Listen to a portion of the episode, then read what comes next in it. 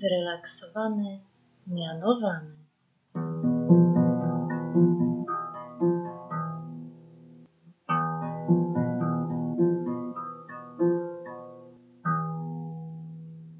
Dzień dobry, nazywam się Monika Adamus i witam Was w drugim odcinku podcastu Zrelaksowany, mianowany. Tematem dzisiejszego odcinka będzie pomoc psychologiczno-pedagogiczna.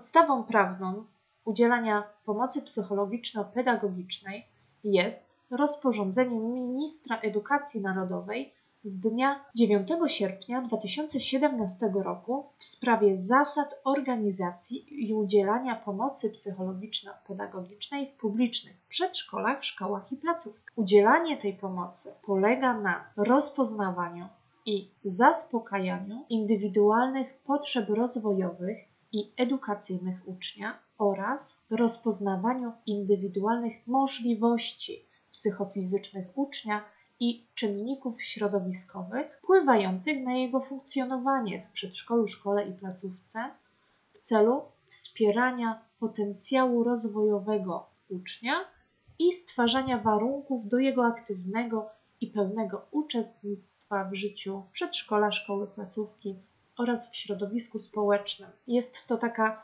dość rozbudowana definicja udzielania tej pomocy psychologiczno-pedagogicznej, z czego wynika potrzeba objęcia ucznia pomocą psychologiczno-pedagogiczną. Odpowiedź na to pytanie również znajdziemy w tym rozporządzeniu dotyczącym pomocy psychologiczno-pedagogicznej i również jest to pytanie, które pojawia się podczas egzaminu. Potrzeba objęcia pomocą psychologiczno-pedagogiczną ucznia wynika w szczególności z po pierwsze z niepełnosprawności, z niedostosowania społecznego, z zagrożenia niedostosowaniem społecznym, zaburzeń zachowania lub emocji, ze szczególnych uzdolnień, ze specyficznych trudności w uczeniu się, z deficytów kompetencji i zaburzeń sprawności języka, z choroby przewlekłej, z sytuacji kryzysowych lub traumatycznych, z niepowodzeń edukacyjnych, z zaniedbań środowiskowych związanych z sytuacją bytową ucznia i jego rodziny, z trudności adaptacyjnych związanych z różnicami kulturowymi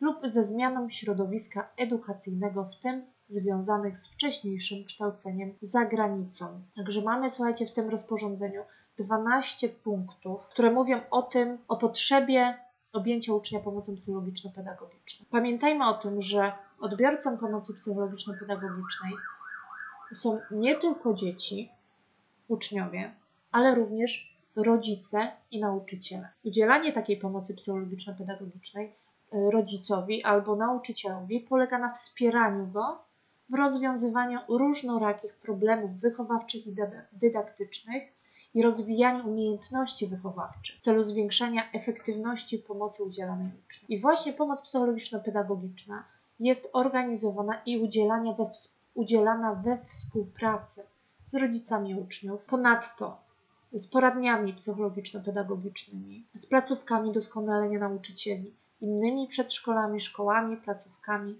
lub organizacjami pozarządowymi oraz innymi instytucjami i podmiotami, które działają na rzecz rodziny, dzieci i młodzieży. Pomoc psychologiczno-pedagogiczna jest udzielana z inicjatywy, po pierwsze, moi drodzy, samego ucznia. Uczeń, jeżeli widzi, że sobie nie radzi, może wnioskować o udzielenie mu pomocy psychologiczno-pedagogicznej. Oprócz tego mogą wnioskować jego rodzice, może wnioskować dyrektor przedszkola, szkoły, placów, nauczyciele, wychowawcy grup, specjaliści, wszyscy, którzy prowadzą zajęcia z dzieckiem z uczniem, pielęgniarka szkolna, higienistka, poradnia, asystent edukacji romskiej, pomoc nauczyciela, pracownik socjalny, asystent rodziny, kurator sądowy, organizacje pozarządowe i inne instytucje, podmioty działające na rzecz rodziny, dzieci i młodzieży. Czyli zobaczcie, wszyscy ci, którzy mają do czynienia z tym uczniem, którzy z nim pracują i którego dobro jest dla nich ważne. W tym rozporządzeniu jest wymienionych 12 takich punktów, 12 osób, instytucji, które mogą, z których inicjatywy może być udzielana ta pomoc psychologiczno-pedagogiczna. Pomoc psychologiczno-pedagogiczna musimy sobie rozdzielić. może być udzielana w przedszkolu albo w szkole. I w zależności od tego, czy będzie ona udzielana w szkole czy w przedszkolu, jej formy będą troszeczkę inne. W przedszkolu ta pomoc psychologiczno-pedagogiczna jest przede wszystkim udzielana w trakcie bieżącej pracy z uczniem oraz przez zintegrowane działania nauczycieli i specjalistów, a także w formie. Mamy tutaj w rozporządzeniu cztery formy udzielania pomocy psychologiczno-pedagogicznej, a będą to zajęcia rozwijające uzdolnienia, zajęcia specjalistyczne i do nich zaliczają się zajęcia korekcyjno-kompensacyjne, zajęcia logopedyczne, zajęcia rozwijające kompetencje emocjonalno-społeczne oraz inne zajęcia o charakterze terapeutycznym. Punkt trzeci. Kolejną formą jest zindywidualizowana ścieżka realizacji obowiązkowego rocznego przygotowania przedszkolnego, a także punkt czwarty w formie porad i konsultacji. A teraz przejdziemy sobie do udzielania pomocy psychologiczno-pedagogicznej w szkole. I tutaj tych form udzielania tej pomocy psychologiczno-pedagogicznej będziemy mieć więcej. Mamy tutaj 9 punktów, czyli 9 form, w jakiej ta pomoc może być udzielana. Po pierwsze, mogą to być już klasy terapeutyczne. Po drugie, mogą to być zajęcia rozwijające uzdolnienia, podobnie jak w przedszkolu. Ponadto zajęcia rozwijające umiejętności uczenia się, zajęcia dydaktyczno-wyrównawcze, zajęcia specjalistyczne, podobnie jak korekcyjno-kompensacyjne, logopedyczne, rozwijające kompetencje emocjonalno-społeczne oraz inne o charakterze terapeutycznym. Punkt szósty. Możemy zorganizować również zajęcia związane z wyborem kierunku kształcenia i zawodu w przypadku uczniów szkół podstawowych oraz uczniów szkół ponadpodstawowych. Punkt siódmy zindywidualizowana ścieżka kształcenia. Punkt ósmy porady i konsultacje.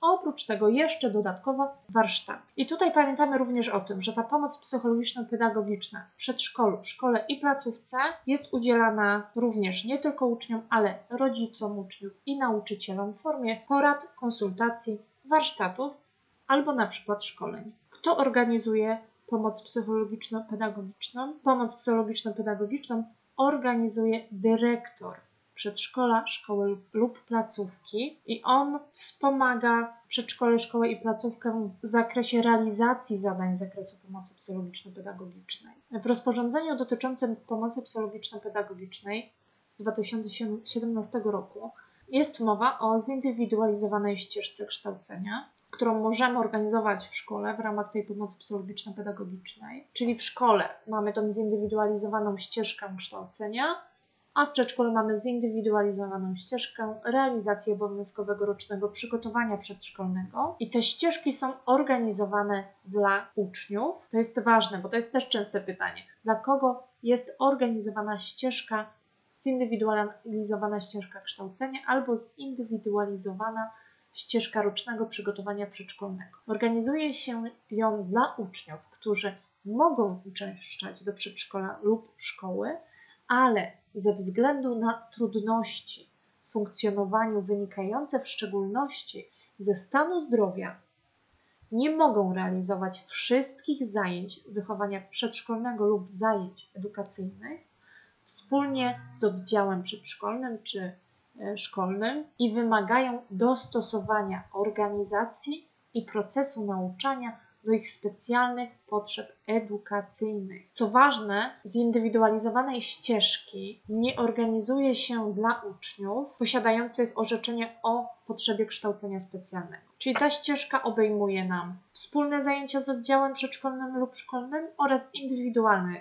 zajęcia z uczniem. Jeżeli chcemy objąć zindywidualizowaną ścieżką kształcenia ucznia, to objęcie ucznia tą formą pomocy psychologiczno-pedagogicznej wymaga opinii publicznej poradni. I ta poradnia dopiero stwierdza potrzeby objęcia ucznia pomocą właśnie w tejże formie. Do zadań nauczycieli i wychowawców grup wychowawczych i specjalistów należy rozpoznawanie indywidualnych potrzeb rozwojowych i edukacyjnych oraz możliwości psychofizycznych uczniów. Ponadto określenie mocnych stron, predyspozycji, zainteresowań i uzdolnień uczniów, rozpoznawanie przyczyn niepowodzeń edukacyjnych lub trudności w funkcjonowaniu uczniów, w tym barier i ograniczeń utrudniających funkcjonowanie uczniów i ich uczestnictwo w życiu przedszkola, szkoły lub placówki, podejmowanie działań sprzyjających rozwojowi kompetencji oraz potencjału uczniów w celu podnoszenia efektywności uczenia się